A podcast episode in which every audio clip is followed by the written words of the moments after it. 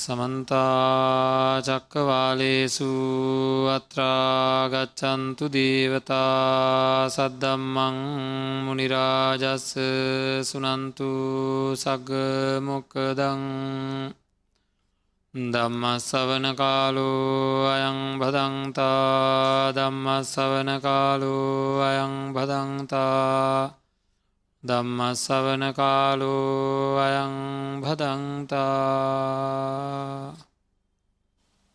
නමෝතස්ස භගවතු අරහතු සම්මා සම්බුද්ධස්ස නමෝතස්ස භගවතු අරහතු සම්මා සම්බුද්ධස්ස නමෝතස්ස භගවතු අරහතු සම්මා සම්බුද්ධස්ස සබ්බපාපස්ස අකරනං කුසලස්ස උපසම්පදා සචිත්ත පරියෝදපනං ඒතං බුද්ධාන ශාසනං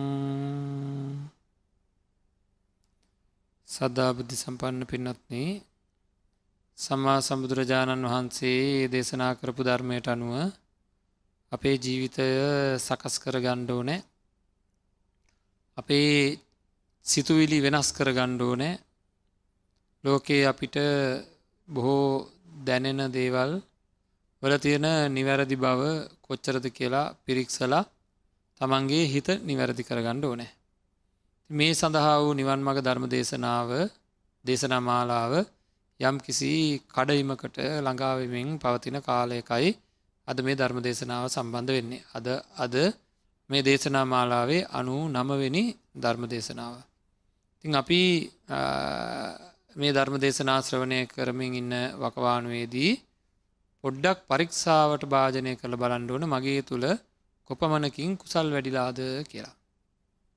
පින්නත්න බණ අහයි බණ අහලා ඉතින් හිටිය විදිහටම හිටියොත්. අපේ අපේ අරමුණ මොකක්ද කියලා මතක තියාගණ්ඩෝ නෑ ඒ එහෙම නැත්තං අපි නිෂ්පල දෙයක් කරනවා වෙනවා. ඒහින්දා අපි කල්පනා කරා නැවතවාරයක් අද දවසෙත් අපේ අරමුණ පොඩ්ඩක් මතක් කරන්න මතක් කරන්න ඕනෑය කියලා. එතකොට තමයි අපිට නැවත නැවත නැවත නැවත මොකද අපි දැනට සාකච්ඡා කරමින් ඉන්නේ ඊය දවස අපි අට්ටික සංඥාව නැවත සාකච්ඡා කරා. ඒ වගේම පෙරේදා නැත්තං ඉටිස්සෙල දවස්වල අපි ගැඹුරු කාරණාවන් වගේයක් සාකච්ඡා කරමින් හිටියා ඉතිං ඒ දේවල් එක්ක අපිට තියෙන උනන්දුව තව වර්ධනය කරගණ්ඩ නැවත මේ ධර්මයෙන් සිද්ධ වෙන දේ කොහොමද කරන්න ඕනෑ කියන එක කොහොමද මේ කුසල් වර්ධනය කරන්න ඕන මොකක් දෙතකොට වෙන්න කියන එක පිළිබඳව සාකච්ඡා කරපම අපිට පොඩ්ඩක් පුළුවන්කම තියෙනවා. අපි දැන් දැනට යන වැඩ පිළිවෙල හරිද? ම මොකරි වැඩ පිළිවෙලක ඉන්නවද කියලවක්වත් අඩුම ගාන දැනගන්නඩ මේකෙදී වැඩියෙන්ම අපේ හිතට දැනෙන ප්‍රශ්නයක් මන් නැවත යොමු කරන්නයි ලෑස්ති. හිතට එකඟව ජීවත් වෙන එක හරිද. මොකද ගැන මේක හුඟා කලට අපි ප්‍රායෝගිකත්වයට නැබුරු වෙච්ච ධර්ම දේශනාමාලාවක් නැබි ප්‍රායෝගිකව අපේ ජීවිතය ප්‍රායෝගිකව යොදාගණ්ඩ පුළුවන් විදිහටයි අපි ධර්මය සාකච්ඡා කරන්න කියලා පොරොන්දුවක් වුණානි දැන් නේද දැන් ආයමං හන හිතට එකඟව ජීවත් වෙන එක හරිද අපි හරි ආඩම්බරින් කියෙන මම මංමගේ හිතට එකඟව ජීවත් වෙන කෙනෙක් කියලා. හොඳයි. මේ මේ වගේ දේවල් ආපුම අපි අපේ පැත්තෙන් බලාගන්න එක හොඳයි වැඩේ. මම කෙනෙක් ගැන අප්‍රසාදයෙන් ඉන්නවා අද. හරි මන්දැන් එයා ගැන අප්‍රසාදයෙන් කතා කරනවා. හිතට එකඟවමද නැද කතා කරන්න? මරිති ගොඩක් අප්‍රසාදයක් ඇති වෙලා තියෙන යා ගැන. මන් දන්න කරුණු අනුව ඒහිද මම හිතට එකඟවම යාගෙන අනිත් අයත් එක් අප්‍රසාදයෙන් කතා කරන යා ගැන. මම ආද රෑ දැනගන්නවා එයා මට මුකුත් වැරද්දක් කරලා නෑ කියලා. හරිද ඒටික මට දැනගන්න හම්බෙන්නේ අද රෑ කවුර ඇවිල්ල මට ගොඩාක් විස්තර කියලා කියනවා එයාවාට වැරදක් කළ මට හරියටම තේරෙනවා යා වැරද්දක් කළ නෑ කියලා. දැම්මන් හෙට උදේ මගේ හිතට එකම යා ගැන කතා කරන්න කොහොමද දැමට ලොකු ප්‍රසාදයක් ඇති වෙලා මොක දරය ඔක්කොම විස්තර කියලන්නේ දැම්මං හිතට එකගවම එයා ගැන කතා කරන්න කොහොමද? ප්‍රසාදයෙන් ද ප්‍රසාදයෙන්ද? ප්‍රසාදය එතකොට ඊයේ කරපයක හරිත් දන්න ඊයේ හිතට එකඟව මම අප්‍රසාදයෙන් කතා කරප එක වැරදිද නැද්ද. හිතට එකඟව වැඩ කරන එක හරි හිත හරිනම්. එම නේද? හිත හරිනම් හිතට එකඟ වැඩ කරන එක හරි. නැත්තං ඒක හරියන්නේ නෑ එකඟද? ඒකට එක දඩුම ගාන නේද? හොඳයි. දැන් එහෙනම් දැන් අපි බලාගණ්ඩෝ නෑ අපිට පුංචි කාලේ සමහර දේවල් හරි කියලා හිතුණා. හරි කියලා හිතල අපි වැඩ කරගෙන ආවා. ටික කාලෙකින් තෙරුණ අයෝ ඒවා මහ විහිළු වැඩන කියලා. ඉරිපස අවුරුදු පහළව දාසය වෙනකොට තව දෙවල් වගේ හරි කියලා හිතුණා. ඉට පස්සෙත් පස්සෙ තේරුණා ඒවා ඔක්කොම වැරදි කියලා. විස්ස විසි පහ වෙනකොට වෙන දේවල් වගේ හරි කියලා හිතුණා. ඉට පස්සේ පසු කාලීනෝ තේරෙන ඒවත් වැරදි කියලා. හැමදාම අපි හරි කියලා හිතාගෙන ගිය ඉන්න දේවල් හුඟක් ඒවා පසු කාලීනව වැරදි කියලා තේරෙනවද නැද්ද? තැන් මේ වර්තමානය අද මේ කාලේ මට සමහර දෙවල් ගැන හරි කියලා හිතෙනවා සමහර දෙවල් ගැන වැරදි කියලා හිතෙනවා. ඒක හරි දන්න මොකද කියන්නේ? හොඳට විශ්වාසද? මගේ ජීවිතේ මේ වෙනකොට මම හරි කියලා හිතාගෙන කටයුතු කරන ඒවා හරියටම හරි කියලා විශ්වාසද? දන්නේ නෑ නේද? කියන්න බෑ. මැරණකම්ම හරිදේ මගේ හිතට දැනුන් නැත්තා කරුවලේ ජීවත් වන වගේද නැද්ද? කරුවලේ ජීවත් වෙන කෙන කිමින් සැර මේස රත තියෙනවා. මේසයක් වෙන්ඩ ඇති. පුටුවක්ද දන්නෙත් නෑ. හරියට හොයාගන්න බෑපින්නත්න්නේ හරියටම දන්නවාද තමන් ළඟ ඉන්න අය අපි මහාලකොට කියනවා මගේ ළඟ ඉන්න අය මට ආදරෙයි කියලා. නේද? අන්දයා අතතිතිය බලබල අතතිතිය බලබල කෙන පුටුවක් වෙන්ඩ ඇති කියලා අනුමාන වසයෙන් කියනවා. මේක මේ ඉස්සරහ මල් වැලත් තියෙනවා වගේ කියලා අනුමාන වසයෙන් කියනවා. නේද?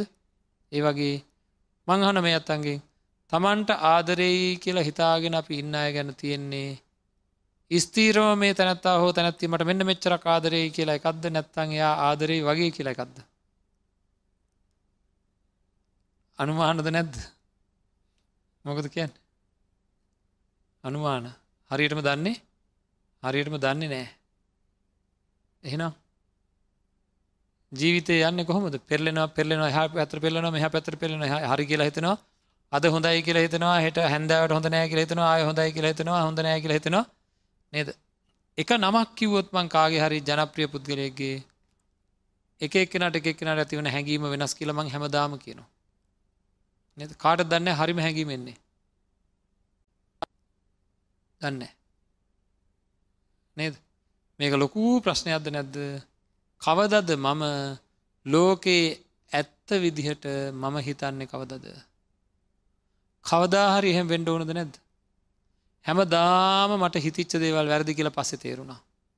කවධාරි මගේ හිත ලෝකෙ ඇත්ත අරමුණු කරන හිතක් වෙන්ඩෝ නෑ. නේද. එක එක්කෙනාට එක එක්කෙනාට එක එක විදිහට යමක් හිතෙන්නේ පින්නත්න ඒ ඒ කෙනාගේ තියෙන සකස් වෙන දැක්ම අනුවයි. ඒ කෙනාට දැක්ම සකස් වෙන්නේ ඒ කෙනා අතීතයේ ආශ්‍රය කරලා හදාරලා තියෙන දේවල් අනුවයි. මේකට ඔය කියන්න හදන ඔක්කොම තේරුම් ගණ්ඩ පුළුවන්. එක උදාහරණයක් බුදුරජාන් වන්සේ දෙසනා කරන එක රසවත් උදාහරණය අන්දයෝ පස් දෙනෙක්කින්නවා මේ අන්දය පස් දෙෙන අරගෙන ගිහිල්ලා හීල අලියෙක්ව හැඩේ තේරුම් ගණඩ කියලා අන්දයන්ව දානවා. එක්කෙනෙකුට අහුවෙන්න කකුල. තව කෙනෙකුට අහුවෙන්නේ හොඩේ තව කෙනෙකුට අහුවෙන්නේ කන. තව කෙනෙකුට වලිගේ. දැන් යාලා අල්ලල්ල බලනවා. කකුල වෙච්ච එක්ෙන විස්තර කරන්න අලිය විස්තර කරන්නක වංගෙඩියක් වගේ වංගෙඩියක් විස්තර කරනවා වගේ. වලිග හුවෙච්ච කෙන අලිය විස්තර කරන්නක විස්තර කරන්නේ? කොස්සක් විස්තර කරනවා වගේ. නේද? බඩහු වෙච්ච කෙනා විස්තර කරන්නේ තාපයක් විස්තර කරනවා වගේ. එතකොට තාපයක් වගේ දැනිච්චෙක් කෙනාට අරය විස්තර කරනවා රවුන් නේද කියලා විස්තර කරනකොට මෙයට තරහයනවද නැත්. හැමෝම හිතාගන්නේ මට අහුවෙච්ච කොටස තමයි අලිය කියලා. මට අහුවෙච්ච කොටස තමයි අලිය කියලා හැමෝම හිතාගන්නේ ඒ මොකෙන්ද තමන්ගේ අත්දැකීමේ නේද. අන්නේ විදිර තමයි අර හිතට එකකවම අරකට්ටි කියන්නේ මේක තමයි හරි කියලා. නේද එතකොට තේරෙනවද ලෝකයේ තර්ක විතර්ක ඇතිවෙන්නේ ඒ ඒ කෙනාට ඇතිවෙන දෘෂ්ටිය අනුවයි. ආංගේ දෘෂ්ටිය නැතිකරන්ඩ බුදුරජාණන් වහන්සේ කියනවා තමන්ගේ දෘෂ්ටිය රිජු කරගණ්ඩ කියලා නිවැරදි කරගණ්ඩ කියලා. නැත්තන් ලෝකය ලෝකයේ තියෙන ඇත්ත හැටියට අපිට දැනෙන්නේ දැනෙන්නේ නැතු යනවා. ඇත්ත ඇති සැටියෙන් දැනෙන්නේ නැතු යනවා. දෘෂ්ටිය රිජු කර ගත්තහම ඒ දෘෂ්ටිය රිජු කර ගණ්ඩ බුදුරජාණන් වහන්සේ දේශනා කරන්නේ මනසිං දකිින්ඩ කියලා. කාවද මේ ලෝකෙ තියෙන දේවල්. ලෝකෙ තියෙන දේවල් මනසින් දකිින්ඩ කියල කියනවා. ලෝකෙ තියෙන දේවල් මනසින් දකිින්ඩ නං ලෝකෙම අවබෝධ කරගත් හැයි කියලා දේශනා කරනවා තමන්ව දැක්ක හමත්. එනම් තමන්ගේ ක්‍රියාකාරිත්වය මනසින් දකිින්ඩ කියලා කියනවා. තමන්ගේ ක්‍රියාකාරිත්වය මනසින් දකිින්ඩ මේ ක්‍රියාකාරිත්වය තියෙන ඇත්ත ස්වභාවයයි දකිින්ඩ ඕන. ඒ සඳහා අපි කාගෙන් හරි දැන ගණ්ඩෝන මේක තියෙන ඇත්ත ස්වභාවය. මගේ හිතෙන් නිකං එන්නේ නැ. කොහොමද දකින්න කියලා දැන ගණ්ඩෝන. ආංඒක දැනගත්තට මදී ඒක මතක තියා ගණ්ඩෝනෑ මතක තියා ගණ්ඩෝන කොහොමද? තමන්ගේ හිතෙන් පිළිවෙලකට ගලාගෙන එන විදිහට මතක තියා ගණ්ඩ ඕන. නැත්තන් එක හරියන්නේ නෑ. තේරුණාද? ආං කියනවා ඉස්සල්ල ධර්මය ශ්‍රවණය කරන්න ඕනෑ. ඉට පස්සේ ශ්‍රවණය කරපු ධර්මය ධාරණය කර ගණ්ඩෝ නෑ ඉට පස්සේ ධාරණය කරගත් ධර්මය පිළිවෙලට තමන්ගේ මනසින් නැගිලයින විදිහට සකස් කර ගණ්ඩෝ නෑ ඉට පස්සේ මොකද කරන්න ඔන්න මනසින් දකිින්ඩෝනෑ ඉට පස්සේ අන්න එතකොට අපේ දෘෂ්ටිය රිජුවෙනවාය කියලා. ඉතින් ඒ සඳහා තමයි අපි මේ ලොකූ සහයක් ගන්න ගනිමින් ඉන්නේ. ඉතින් එහෙම කරගෙන යනකොට අපිට අපේ තියෙන දැනට පීඩාකාරී දේවල් වගේයක් මේ හිතෙන් නැගිලා එන අවස්ථා තියෙනවා. එකක් තමයි හරියට නිකං එකාතකින් අපපුඩි ගහන්ඩ බෑ වගේ සැපයි කියලා හිතෙන දේවල් සැපයි කියලා අපේ ජීවිතය අපි ගන්න දේවල් නේද මහා දුක්ගොඩක් එතනම හදන ගතියක් තියෙනවා. පිනත්න මේ ලෝකෙට මේ ධර්මය ඕන වනේ දුක් ගැන කතා කරන්න නෙවේ. දුක් විඳින්ටත් නෙවේ. මහා බෝධිසත්වයන් වහන්සේ ලෝකයෙන් ලෝකය අතහැරයේ භෞතික ලෝකය මේ ලැබිලා තියෙන කිසිදු සැප සම්පතකින් මට වැඩක් නෑ ඇයි ඒවා හින්දා මට කවදහරි මහා දුක් ඇති වෙනවා. දුක් හැදෙන සැපෙන් මට වැඩක් නෑ. දුක් ඇතිවෙන සැපයෙන් මට වැඩ නෑ දුක් හැදෙන සැපෙන් දුක් ඇතිවෙන සැපයෙන් මට වැඩ නෑ අන්න එහෙනම් කවදාක්වත් දුකක් ඇතිවෙන්නේ නැති සැපයකට මම යන්ඩෝ නෑ. එහෙනම් බුදුරජාණන් වහන්සේගේ ධර්මය වැඩියෙන් කතා කරලා තියෙන්නේ එහි ප්‍රධාන අරමුණ දුකද නැත්තං සැපද. සැපය සැපය ගැනයි. හැබැයි ඒ සැපේ නිකං සැපයක් නෙවෙයි වෙනස් නොවන සැපයක්. අපේ ජීවිතයට ලැබිල තින සැප ඔක්කොම කොහොම දන්න. අපේ ජීවිතය අපි නොඒකුත් සැප ලබාගෙන තින නෑ කියන්නේ. ඕනෑ තරන් තියෙනවා. රූපයක් දකිද්දී සද්‍යයක් ඇහෙද්දී ගන්ධයක් රසයක් ස්පර්ශයක් මේවැන් අපි ඕන තරත් සැප ලබනවා. හැබැයි ලබන සැපය ඒ ලබන මොහොතේදීත් අපිට දුක් ඇතිවෙන බව පේනවා. ඒකත් එක්කම එකටම ගැට ගැහිච්ච දුකක් තියෙනවා. ලෙහන්ඩ බෑ. මේ බලන්ට ගොඩා ප්‍රිය කෙනෙක් දැකීම සැපයක්ද නැද්ද? ගොඩාක් ප්‍රිය තමන්ගේ හිතට දැනේන හැඟීම් තියෙන කෙනෙක් දැකීම හොඳ සැපයක්. නමුත් ඒ දැකීමත් එක්කම තියෙනවද නැද්ද? එයා වෙනස්සෙන්ට දෙන්නතු තියාගණ්ඩෝ නෑ කියලා පීඩනයක්. පුංචි වෙනසක්වත් වෙන්ට දෙන්නතු තියාගන්න වෙනස් වෙයි කියලා බයක් ඒ වෙලාම තියෙනවද නැද්ද? පීඩනය බය සැපද? දුකයි නේද? මේ අහවලා වෙනස්වෙන්ට දෙන්නෑ මම කියලා මගේ හිතම කියනවා මේ ලෞකිකත්වය තුර තියෙනේවා එතකොට අන්න ඒ බයෙන් ඒ සැපයත් එක්කම පෙරපසු නොවීම එකත් තියෙන හරියට කිරිවිදුරුවට ගොම බිඳුවක් එකතු වෙලා වගේ එකනික හරියට. එකටම තියෙන්නේ. ඔක්කොම කිරි තමයි ගොමත් තියෙනවා. නේද? ඒ කියන්නේ අපි මේ ලොකු සැපයන් ලබන්ට ගියාට ඒවා රැක ගැනීමේ අවශ්‍යතාවයකුත් ඒවා වෙනස් වෙයි කියලා බයකුත් අපිට නිබඳ තියෙනවා. එහෙනම් සැප අස්සෙම මොනවද තියෙන්නේ? දුක් වගේක් තියෙනවා. එහෙනම් ස්ථීර සැපය කියන එක ලබන්ඩ නං මොකක් දෝන වෙන්නේ? අරමුණු කරන්න වෙන මොනවගේ එකක්ද? වෙනස් වෙන්නේ නැති දෙයක්. වෙනස් වෙන නැති දෙයක්. ඉතින් ඔන්න එහෙනම් හරියන්න වෙන ආදරෝලින් හරියන්න අම්මගේ ආදරය හොඳයි කියලා ගියොත්. අම්මගේ ආදරය ස්තීර දන්න නෑ ඇති නේද අපිහෙම කියනවා තමයි. අම්මලාට නිග්‍රහ කරනවා නෙවෙයි. අම්ම කියන්නේ පෘතක් ජන කෙනෙක්ද නැද්ද? නේද? අම්ම කෙරෙහි මට තියෙන ආදරයත් මොකද? ඒකත් සරෙන් සරේ වෙනස් වෙනවා. හැම එකක්ම මේ ලෝක වෙනස් වෙනවා. එහෙම බැලුවොත් එහෙනම් ධ්‍යාන බලයකට වගේ එකට යන්න වෙයි. ඒකත් මොකද?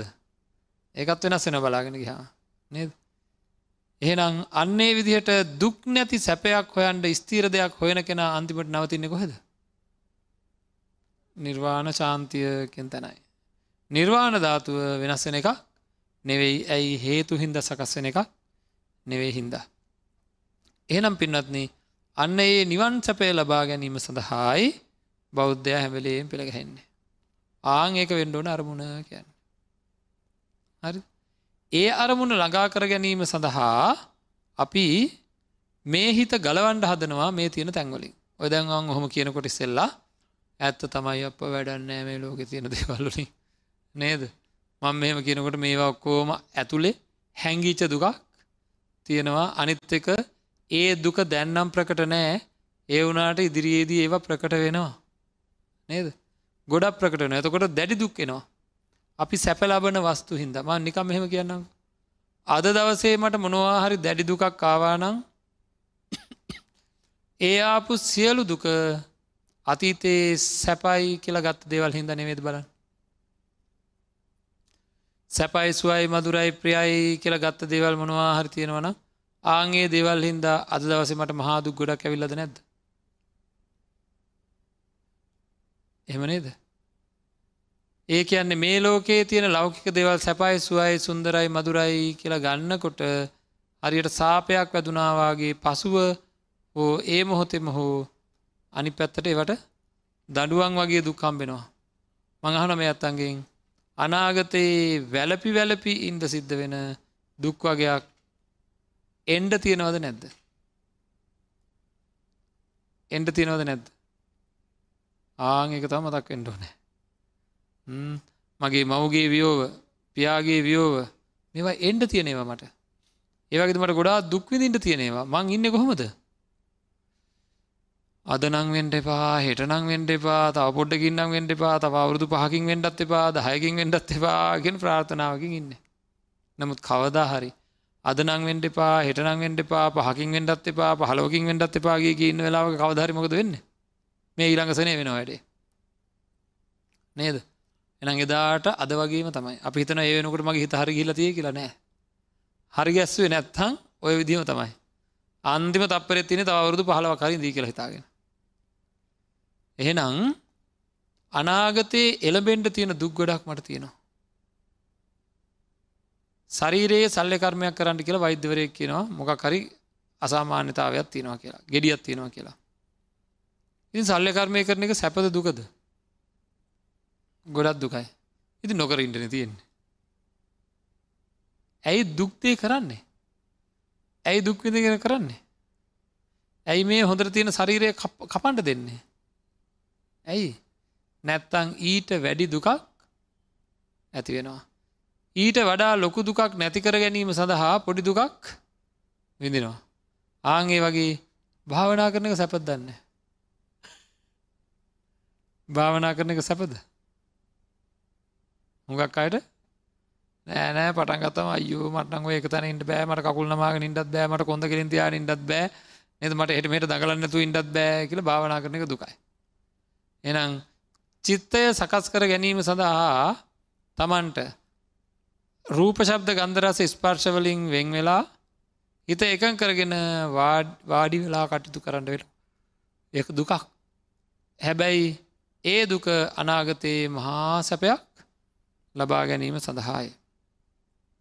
හරිද? නොඒකුත් කාමාරමුණුවල යන මේ සිත රැකගණ්ඩ මහා විශාල සුවයකට පත්වෙන්ට පුළුවන් කියලා දේශනාව සඳහම් වෙනවා.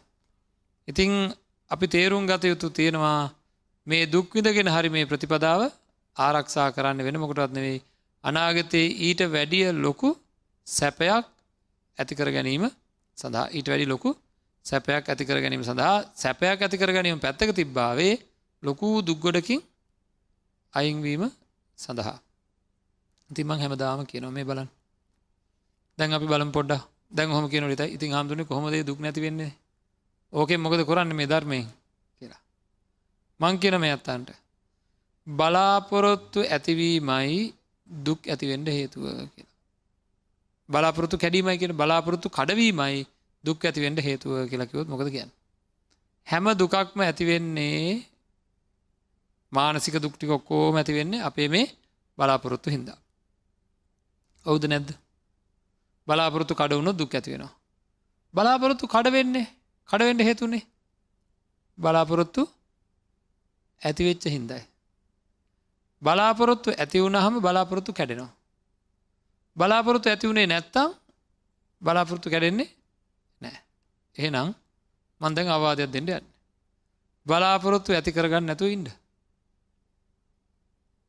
මොකද කියන්න. හා කිව්වොත් හරි ආද ඒක කරනවා නෙවෙයි මම් බලාපොරොත්තු ඇති කරගත් අද නැත්තං ඇති වුණාද ඇති වෙනවා ඇති වෙන ස්වභාවය මගේ සිතේ තියෙනවා ඇති වෙන ස්වභාවය තියෙන පින්වත්න්නේ මොනහරි දෙයක් ගැන කවුහරි කෙනෙක් ගැන කාගැරි හැඟීමක් ගැන රූප ගැන වේදනා ගැන සිත් ගැන ධර්මතා ගැන තමන්ගේ තුළ ඇතිවෙන අනුන්ගේ තුළ ඇතිවෙන ආදරයාදී දේවල් ගැන බලාපොරොත්තු ඇති වෙනවා. බලාපොරොත්තු ඇති කරගන්නවා නෙවේ එන එතෙන්ට බෙහෙත් දෙෙන්ට වේ වගේ නේද? අතීත බලාපොරොත්තු ඇති වුණා වගේම ඒවා කැඩුනා ඒකින්ද දුක් ඇති වුණා. දැන්ටමට බලාපොරොත්තුවත් තියෙන අපේ අම්මා තව අවුරුදු පහළවක් යනකං මැරෙන්නේ විස්සක් යනකම් මැරෙන්නේ කියලා. ආං ඒක අයින්ෙන්ඩ ඕනෑ. තව අවුදු පහකිනුත් තියෙන බලාපොරත්තුමකත් හ දැන්ට තියෙන ගානකම අවුරුදු ගාන කියද. අපි නිකන්දාමක පහලවකින් මැරෙන්න පහලවකින්වත් මැරෙන්නේ කියලා ඔන්න දැනට හිතාගන්න. තව අවුරුදු පහකින් මං ඇහුවොත් මොකක් දෙන උත්තරේ. දායකින් කියලා කියද පහලවකින් කියයිද. ඒත් කියන පහලෝකින්ම කියලා. තව අවුරුත් දහයකින් ඇහවොත් ඒත් කියන්න එහෙමයි. නේද. ඒ වගේ අපිට යම් කිසි අදහසක් එල්බිලා තියෙනවා නං හිතට එකගවම ඒක තමයි ඉන්නේ. ඒනට මම මේ අත්තන්ගෙන් අහනවා තව චුට්ටකින් අපේ අම්ම මැරෙන්ට බයිද. පුළුවන් හැකියාවත්තිය නොද නැද්ද ආයතුරගෙන ඔව්වෝ පුළුවන් කියලා. හැමදාමක පරික්ෂා කරන්න කියන එක නැවත මතක් කරන්න. තව පොඩ්ඩකින් මැරෙන්ඩ පුළුවන් කියලා මේ ඇත්තු කිව්වට බලාපොරොත්තුව මොකක්ද. නෑ වෙන්නේ වෙන්නේ නෑ එහෙනම් කියන වචනයේ හිතේ ඇතිවෙන හැඟීමේ වෙනසත්ති නොද නැද. නේද. කියන වචනයේ හිතේ ඇතිවන හැඟීමේ වෙනසත්ති නොද නැද.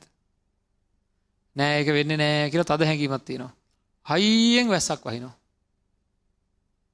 මං කියනවා තව පොඩ්ඩකින් පායයි කියලා. ආං එතන කියන වචනේ හිතන හැඟීමේ වෙනසත් තිනොද. තිනොද නෑ නේද මං කියන තා පොඩ්ඩකින් පායයි. හැඟීමෙන්මයි කියන්නේ මට හැඟීමත් තිබුණන තා පැයක් විතර පායන්නෑ කියලා මං කියනම ගද තා පැයක් විතරනකම් පායන කන්නෑ නේද හොඳ තේරුම්ගන්න මම කියන්දේ දේ දුන්න පායලා තිනවා. එතකොට කට්ටියක් කියනව මට මේ ළමයි ටික එක්කන් එන්ට කියලා. පෙන්නන්ට එතුර මගෙන යාල එක්කන් එනකම් මේක තියෙන එකක් නෑ. මං වචනයක්ව තියෙන එකක් නෑ කියලා. එන්න ඒ වචනෙයි මගේ හැඟීමෙයි ඒකැන් තියෙන එකක් නෑ කියලමට දැනිච්ච හිද මං කියන් ඒක වෙනසත්ති නොද නෑ. මං කියන තාපොඩ්ඩකින් අම්ම මැරයි කියලා. කියන වචනෙයි ඇතිවෙන හැඟීමේ වෙනසත්ති නොද නැද්ද? හා. ඔන්න වැඩේ තේරෙන්ට ඕන අපි ගැන අපි හොයාගන්නඩ කියලමං කිවා හරි කවදහරි දවසක මේ මොහොත ජීවත්වෙන් අම්ම ඊළඟ මොහොත මට නැතිවෙනවද නැද. ඒ වෙනකොට මට අවුරුද්දක් තව ජීවත්වෙයි කියලා අදහසක් තිබානන් දුකට පත්වෙනවද නැද්මාව. හැඟීමක් තිබ්බන. නේද අදහසක් තිබන බලාපොරත්තුවක් තිබන දුකට පත්වෙනවද නැද්ද. අවුරුදු දහයක් ඉදී කියලා හිටියනම් ඊට වැඩි දුක්කට පත්වෙනවද නැද්ද. අවුරුදු පහක් කියලා කිව්වනම් ඊටත් වැඩි ඊට නේද අඩුව දුකක් ඇතිවෙනවා. මාසයක් ඉදී කියලා හිතුවත් දුකක් ඇතිවෙනවද නැද්ද. දවසක් ඉදී කියලා හිතුවත් මේ දැන් නැතිවුණොත් දුකක් ඇතිවෙනවද නැද්ද. එහෙනම් ඒ දුක නැතිවෙන්ට නම් මගේ බලාපොරොත්තුව කොතෙන්ට එනකම් වැටෙන්ට ඕනද. තව මොහොතක්වත් ඉදී කියලා බලාපොරොත්තුවක් නෑ කියන තැන්ට වැටෙන්ඩ ඕන. හරි තනකොල පෙත්තක් අග දිය බින්දුවක් තියෙනවා. හරි තනකොල පෙත්තක් අග තින් දිය බින්දුවක් ගැන මං කියනවා මං එනකං හෝක තියාගණ්ඩ මං පෑකින් එනවා කියලා මොකක් කියයිද. ඒ ගැන ඇත්තනම තියෙන අදහසමකක්ද. ඒක තව මොහොතක්වත් තියෙන්නෑ වැටෙයි දැන් වැටෙයි කියලා. තනාග පිණිබින්දුව වගේ මේ ජීවිතය කියලා බුදුරජාණන් වහන්සේ දේශනා කළ ති නොද නැත්. අපිතින් ඒක කියලා නිකං ඉන්නවා. තනකොළ පෙත්තාග තියෙන දිය බින්දුව වගේ කියලා. පින්නත්න හැඟීමයි දේශනා කරේ. අපේ හැඟීම තියෙන්ට ඕන එහෙම එකක්. හරිද මට හොඳටම දන්නවා මම මගේ අයිතියක් නැතුවයි මේ ජීවිතය තියෙන්නේ.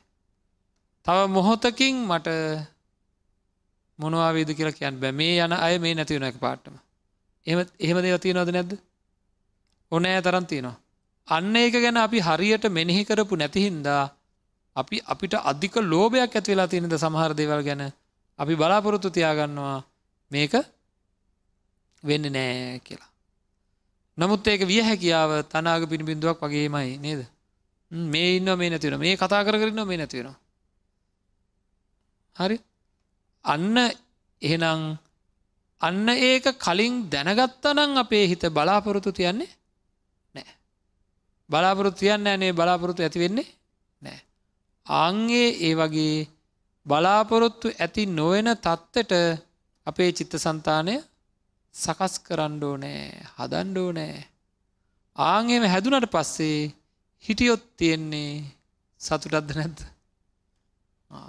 බලාපොරොත්තු නොවනා දැඟින්න ඇති.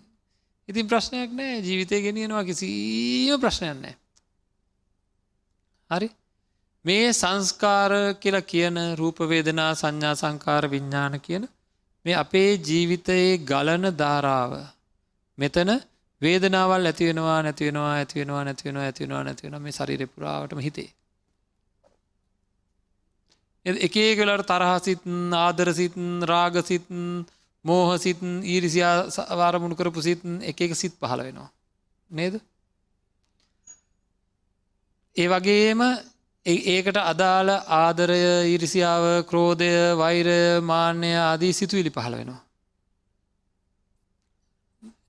ඉලාට මේ ශරීරය කියනක හැම්වෙලේම දාඩිය දානවා දිරනවා නියපුතු වැවෙනවා කොන්්ඩෙ වැවෙනවා එක එක කාකාරය රුදිර සංසාරණය වෙනවා මේකේ මේ වගේ හැම්වලේම වෙනස්කම් සිද්ධ වෙනවා. කය කියන ධාරාව හැම්වෙලේම වෙනස් වෙනවා. වේදනා කියනේවත් හැම්වෙලේම වෙනස් වෙනවා. සංඥා සංකාර කියලා කියන ඔය සිතුවිලි ඔක්කොම හැම්වෙලේම වෙනස් වෙනවා. ඇහේ දැනීම කනේ දැනීම නාසයට දැන ගැන ඇහැට දැන රූප දැනීම කනට ඇහෙන සබ්ද ඇසීම කියන ඒවාගේ දැනෙන ගතිය එකන චක්ක විඤ්ඥාන සෝත විඤ්ඥාන ගාන විඤ්ඥාන ජීව විඤ්ඥානක හැබිලේ වෙනස්සෙනවා දැ මොනොද හැබිලේ වෙනස් වෙන්න ඇත්තේ හැම එකම වෙනස්සෙනවා ඔය හැම එකම වෙනස්සෙන මට ඕන විදිහටද? නෑ. ඒවා වෙනස්සෙන්නේ මට ඕන විදිහට නෙවෙයි. ඔන්න ඇටික දැනගත්ත නම් බලාපොරොත්තු වෙයිද? ඔය ටික දැනගත්ත නම් බලාපොරොත්තු වෙන්නේ එන්න නෑ පිනත් මංකට හැමදාමක උදාහන්න කොච්චර සහනයක්ද බලන්නෙතකොට මේක හෙම කිවට අපට තේරුම් ගන්න මරි උදාහරණයක් මෝන අපිසල් දේදුන්න ගැන කතා කරන්න නේද? ඉස්සල වගේම දේදුන්න පායලා තිනවා. මට බොහොම සතුට ඇතිවෙන දේදුන්න දැකලා. මගේ නිකංවත් අදහසක් එනවද? ළමයි ටික නැගිටලනකම් මම එක තියාගන්නවාමයි කියලා බලාපොරොත්තුවක් එනවද? එන්න ඇයි? ඒක තියාගණ්ඩ බෑ කියල මං හොඳටම දන්නවා. හොඳටම දන්න තියාගන්න බෑ කියලා. ඒගන බලාපොරත්තුවක් එන්නම නෑ තියාගණ්ඩ ඕන කියලා බලාපොරත්තුවක් එන්නම නෑ නේද? මුළු ලෝකෙ ගැනම අන්නර දේදුන්න ගැන වගේ නම් තමන්ගේ හැඟීම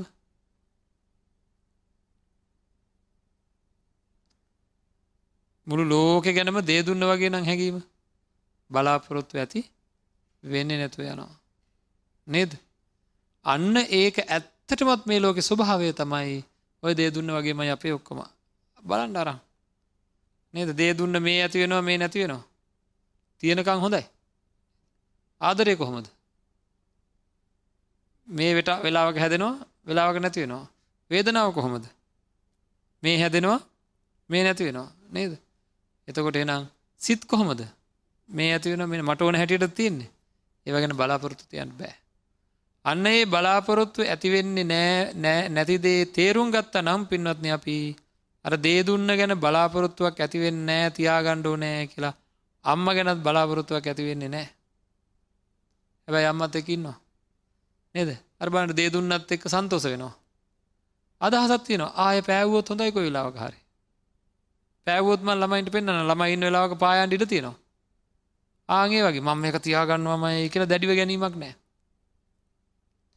ඉතිං අන්න එහෙම අපේ චින්තනය වෙනස් වෙන විදිහ බලන්න. නේද. අනිත්‍ය දුක්ක අනාත්ම ලක්ෂණ තේරෙනකොට මේ ලෝකයේ තියෙන මං ඉස්සලකව දුකක් ගැන නේද මේකත් එක්කම ඇවිල තියෙන දුකක් මේකත් එක්කම ඇවිල තියෙන සැපත් එක්ක මෙෙන දුකක් කිව්වා. එහෙමුණොත් මේ වගේ ඇලෙන්නෑ හැම වෙලේම වෙනස් වෙන ස්වභාවය කියලා අනිත්‍ය ලක්ෂණය ගැන කිව්වා. නේද? ඊළඟට ඒ වෙනස්වීම මට ඕන හැටියට තියෙන්නේ නෑ කියන එක තමයි අනාත්ම ලක්ෂණ. ඒ වෙනස්වීම මට ඕන විදිහට සිද්ධ වෙන්නේ නෑ. ඒක හැම වෙලේම හොඳ පැත්තට වෙනවද නරක පැත්තට වෙනවද කියන තීරණය මට ගන්න බෑ. ඒ ගැන මට බලාපොරොත්තු තියාගන්න බෑ හරියට දේ දුන්න වගේ. මේ ලෝකෙ තියෙන හැමදේම. ඔන්න ඔය ලක්ෂණ තුන මොනවද? අනිත්‍ය දුක්ඛ අනාත්ම ලක්ෂණ තුන අපේ ජීවිතයේ හැම තැනම තියෙන බව. හැම නිමේචයකම හැම තප්පරයක් ඇවෑමෙන් මේ ලක්ෂණ විද්‍යාමාන වෙන බව මගේ ජීවිතය තුළින් මන් තේරුම් ගණ්ඩෝ නෑ. මගේ ජීවිතය තුළින් මං ඒතුන් තේරුම් ගණ්ඩනං මගේ ජීවිතයට එබිකං කරන්නඩෝ නෑ. හරිද? ආං ඒ තේරෙන්නේ කොච්චරකින්ද ඒ තේරෙන ප්‍රමාණයෙන්ම අනිත් අයගේ ජීවිත ගැනත් තේරෙන්ට පටන් ගන්නවා. මගේ හිතේ උපදින්න වූ ධර්මයන් ඒ ඇන ආදරයාදී තරහ ආදී දේවල් ඉරිසියාව වගේ දේවල් ක්‍රෝධය වගේ දේවල් මං හදාගත්තේ නෑ ඒ වගේම ඒවා එක දිගට මට පවත්ත ගණ්ඩත් බෑ.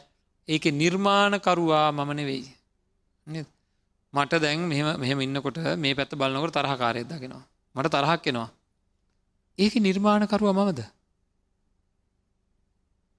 ඒක මම නිර්මාණය කරගත්තද? ඒක මම නිපද වැැව්වද නැත්තං උනාද. මං කැමැත්තෙන් දුනේ මං කැමතිද මට තරහයනවට. මං පොඩ්ඩක්ව කැමති නෑ. නමුත් උනාද නැද්ද. එන ඒක මට බලහත්කාරයෙන් එන එකක්ද නැද්ද.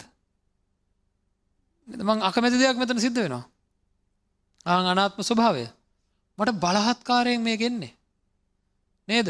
අකමැති සද්ද කනෙන් ඇතුළට එනවද නැද්ද.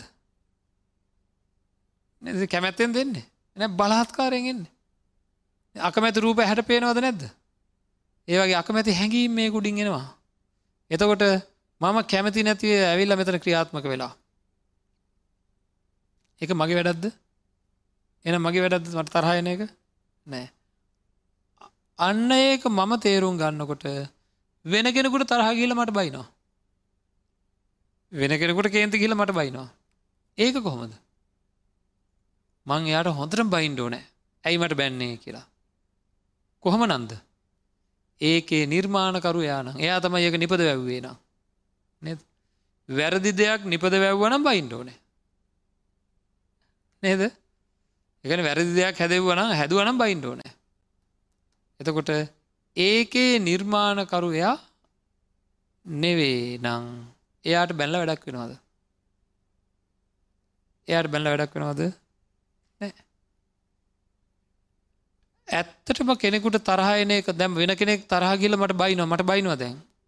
ඒ ඇතිවෙන කේන්තිය එයාගේ තුළ ඇතිවන කේන්තිය තරහා ඉන්නෝක මං අරකටයත් එක කේන්ති ගන්නන් කියලා හදාගත්ත එකක්ද? නැත්තං එයාට ආපු එකක්ද. ආපු එක.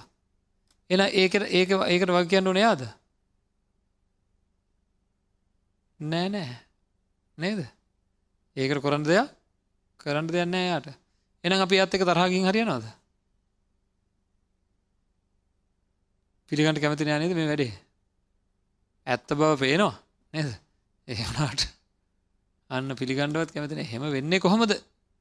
හොඳට කියල දෙනකොට තේරෙනවා ඇත්ත තමයි කියලා. නොමුත් ඒක පිළිගණ්ඩ අපි ලෑස්ති නෑ. මේක පිළිගණ්ඩ නං කොහෙට හැරිල බලන්ඩෝන තමන්ගේ පැත්තට හැරිලා මෙතන ගැන හොඳට තේරුම් ගණ්ඩ මෙතන සිද්ධ වෙන සිද්ධිය හොඳට තේරුම් ගණ්ඩෝ නෑ තමන් තුළින් ලෝකය දකිින්ට පුළුවන් එතකොට. අපි අපිව තේරුම් ගන්න නැතුව ලෝකයට විනිශ්ෂයක් දෙන්න අපේ තුළින් හරි අපේ තුළින් ලෝකට විනිශ්ෂ දෙන ම මේ කාරණ ඔක්කොම අපි සාකච්ඡා කරපය මං ආය කියන්නේ දෙසරයක් තුන්සරයක් හිතන් ඕන හින්දා. හරි? මහා පුදුම කාරණාවකුත් කියන්නට ඔක්කෝම ඇලිලයින්නේ වැඩිපුර ප්‍රමාණයක් ආදරයට. නේද? අපේ අම්මල තාත්තල කියනමට ඇහිලා තියෙනවා ලොකු දරුවාට වැඩිය පොඩි දරුවා මට ආදරෙයි කියලා. පොඩි දරුවාට වැඩිය ලොකු දරුවා මට ආදරෙයි කියලා. මේ ආදරය මයිනව දැකල ති නොද කට්ටිය. නේද මයිනවද නැද්ද. අච්චරයි මෙච්චරයි කියලා. ලොකු දරුවාට වැඩිය පොඩි දරුවාට අද උන ගැනිලා නං උන කැට්ටෙන් මෙන්න හැකි. හරි එක එකව මයින්ඩ එක ගුප කරන තියෙනවා. ආදරේ මැන්නේ මොකෙන්ද දන්නේ ආදරය මැන්නේ මොකෙන්ද මොනවා දිහා බලලද ඔ අපි මැනගත්ත ආදරය කොහොමාරි මොනවා දිහා බලලද අපි ආදරය මැන්නේ? එයාගේ අන්න වැඩ දිහා දැකලා නේද? එයාගේ වැඩ මොනවද වැඩ? ක්‍රියා සහ වචන. අන් අයගේ ක්‍රියා සහ වචන විතරයි නේද එයාගේ ආදරය මැනගණ්ඩ මට තියෙන එකම මින්ම වෙන මොන උත්තියනවද වෙන මොක්වත් නෑ. එනම් කෙනෙක්ගේ ක්‍රියාවන් සහ වචන දිහා බල්ල මං කෙනෙගේ ආදරය මැන්නා. හරි නේද? හරි. මන්දැන් අපි කට්ටියටම කියනවා. හරි? ඔක්කොමල එකතු වෙලා එක්කම ඉරියව්වෙන් ඉඳගෙන එක්කම ගානට එකම වචන කියමින් බුදුන් වදිමූ කියලා. හරි දැන් එයාගේ කායික ක්‍රියා වාචික ක්‍රියා අපි ඔක්කගේම එක්කම වගේ. කායික ක්‍රියා වාචස ක්‍රියා එකම වගේ. හැබැයි හැඟීම වෙනස්. එන මයින්ඩ පුළුවන්ද? නේද? මේක හොඳට තේරුම් ගන්න මෙහෙම කියන්න මට ගොඩාක් ආදරයක් ඇති වෙලා ඇල්මක් ඇති වෙලා ලෙංගතුකමක් ඇති වෙලා මම මේ අතාරගෙන කාගහරි කරෙන් තිබ්බා. දැන් මන් දන්නවා මෙතන ඇති වෙච්ච හැඟීම. නේද? එතකොට එයත් මොකද කරන්න? යා ගනිත් අතාර මගේ කරෙන් තිබ එතවට මට මොකද හිතෙන්නේ? මට වගේම හැඟීමක් එයාට ඇති වෙලා කියලා එනම් මෙතන ඇතිවෙච්ච හැඟීමත් එක්කනේ දෙක මැන්නේ දැඟතොට එක හරිද හරියටම කියන්න පුළුවන්ද ඒ වගේම හැඟීමක් ඇති වෙලා එයා මේ අතාරන් තිබ්බේ කියලා බෑ අපි ඔක්කොම එක මීරියව්වෙන් ඉඳගෙන එකම වචන කිව්වට බුදුහාන්දුර ගැන තියෙන හැඟීම වෙනස් එහෙනම් වෙනස් හැඟීමකින් වෙන කෙනෙකුට මං කරන ක්‍රියාව කරන්න පුළුවන්. මම යම් හැඟීමක් ඇතු වෙලා යම් ක්‍රියාකාරකම ගෙදෙනවා. හරිද? ඒ ක්‍රියාකාරකම වෙන කෙනෙක් එදකට මං හිතනවා මේ හැඟීම මෙතන ඇති කියලා ඒක එහෙමමද? නෑ. නේද? එහෙනම් මට වැරදිලාද නැද්ද ලෝකේ? ගැඹුරු කල්පනාවකට ගිහලා බලන්න ඕන මේවා කියද්දි. මට මොකක් හරි වැරදීමක් තියෙන්න පුළුවන්. ඒක වැරදිලා හින්ද නේද සමහරලට අපි කියන්නේ කතා කරපු හැටියට හිටිය හැටියට අපි නං හිතුවේ නෑ මෙහෙම කෙනෙක් කියලා කියලා කියනවා නේද ආන් ඇයි ඇතුළේ තියෙන හැඟීම හොයන්ඩ බෑ හොයන්ට බැරි දේවල් එක්කයි අපි මේ ඉන්න පින්නත් මේ ලෝකේ. ඔන්න හැම දෙයක්ම තේරුම් ගණ්ඩ නං මේ කියපු හැම දෙයක්ම තේරුම් ගණ්ඩ නං මොකද කරන්න ඕන? ධර්මානුකූලව අපේ හිත ශක්තිමත් කරන්න ඕනෑ. බුදුරජාණන් වන්සේ දේශනා කරපු ධර්මයට අනුව තමන්ගේ ඒ අඳුරේ ඉන්න කෙනාට අඳුරේ අතපතගත යන කෙනාට අනුමාන වසයෙන් මේ ලෝකය දැනෙන්නේ අන්නේ අනුමාන වසයෙන් තියෙන ලෝකය අතහැරිලා පරචිත්ත විජානනය ඇති කරගන්න පුළුවන් ධර්මය තුළ අන්න යටන අනුගේ හිත දකින්න පුළා නේද? ඒ වගේ නොයෙකුත් ආකාරය අභිඤ්ඥා විතරක් නෙවෙයි තමන්ගේ තත්ත්වයේ ඇත්ත තත්ත්වය හරියට දැනගත්ත කෙනාට පින්නත්න ලෝභය උපදින ස්වභාවම නැතිවෙලනවා දේශය උපදින ස්වභාවම නැතිවෙලනවා මෝහය ඇතිවෙන ස්වභාවම නැතිවෙන මොකූත් උසං ඉන්න අයට පස්සේ? නිදහසේ ජීවත්තෙන් පුළුව හරි බණ ඉවර කරන්න ඉසල එකක් අහන්න. මම මං ගැන යම් විදිහකට හිතාගෙන ඉන්නවා නේද? මාව මේ ලෝකයට ලෝක අය මං ගැන අඳුරනව ඇත්ති මාව පේනව ඇත්තේ මං ගැන හිතන ඇත්තේ මෙන්න මේ විදිටයි කියලා මම යම් කිසි අදහසත්යන් වනේ හැම කෙනෙක්ම? මං ගැන මෙහෙම හිතනව ඇත්තේ කියලා. ඇත්තරම ලෝක කවුරු හරි ඒ විදිහටම හිතනවත් දන්න මම මං ගැන හිතාගෙන ඉන්න විදිහටම මං ගැන කවුරහරි හිතන කෙනෙක් මේ ලෝක හොයාගන්න පුළුවන් බෑ. එහෙනම් මම මං ගැන හිතාගෙන ඉන්න එක කාට විතරයිද? ඔවු තනි වෙලා ජීවත්වෙන්නේ කියන් නේද? ඇ තනියමින් එකක් මේක. වෙන කෙනෙකුට මේක දකිින්ට තේරුම් ගණඩ බෑ. එහෙම එකත්තියාගෙන තම යොඉන්න අපි. නේද? එහෙනම් මේවා පිළිබඳ තව හිතන්ඩ අපිට අවස්ථාවක් කරගණ්ඩ ඕනෑ ධර්මය අවබෝධ කරගණ්ඩ ඕනෑ මං මුලා වෙලා ජීවත්වෙන නැතුව මේ ජීවිතය සාර්ථක කරගන්න සසර සූපත් කරගණ්ඩ ඉරිසියා ක්‍රෝධ වෛරමාන්නාදී අකුසලයන්ගෙන් දුරුවෙලා ජීවත්වෙන්ඩ හිත සුවදායක තත්වකින් පවත්ත ගණඩ අවශ්‍ය කරන ධර්මය මගේ තුළින් මම් පෝෂණය කරගන්නවා කියෙන අධිෂ්ඨානය ප්‍රාර්ථනා ඇති කරගන්න. ආකා සට්ටාච බුම්මට්ටා දේවානාගා මහිද්දිකා පුඤ්ඥන්තන් අනුමෝදිත්වා චිරංරක්කං තුසාසනං චිරංරක්කං තු දේශනං චිරංරක්කං තුමං පරංතිී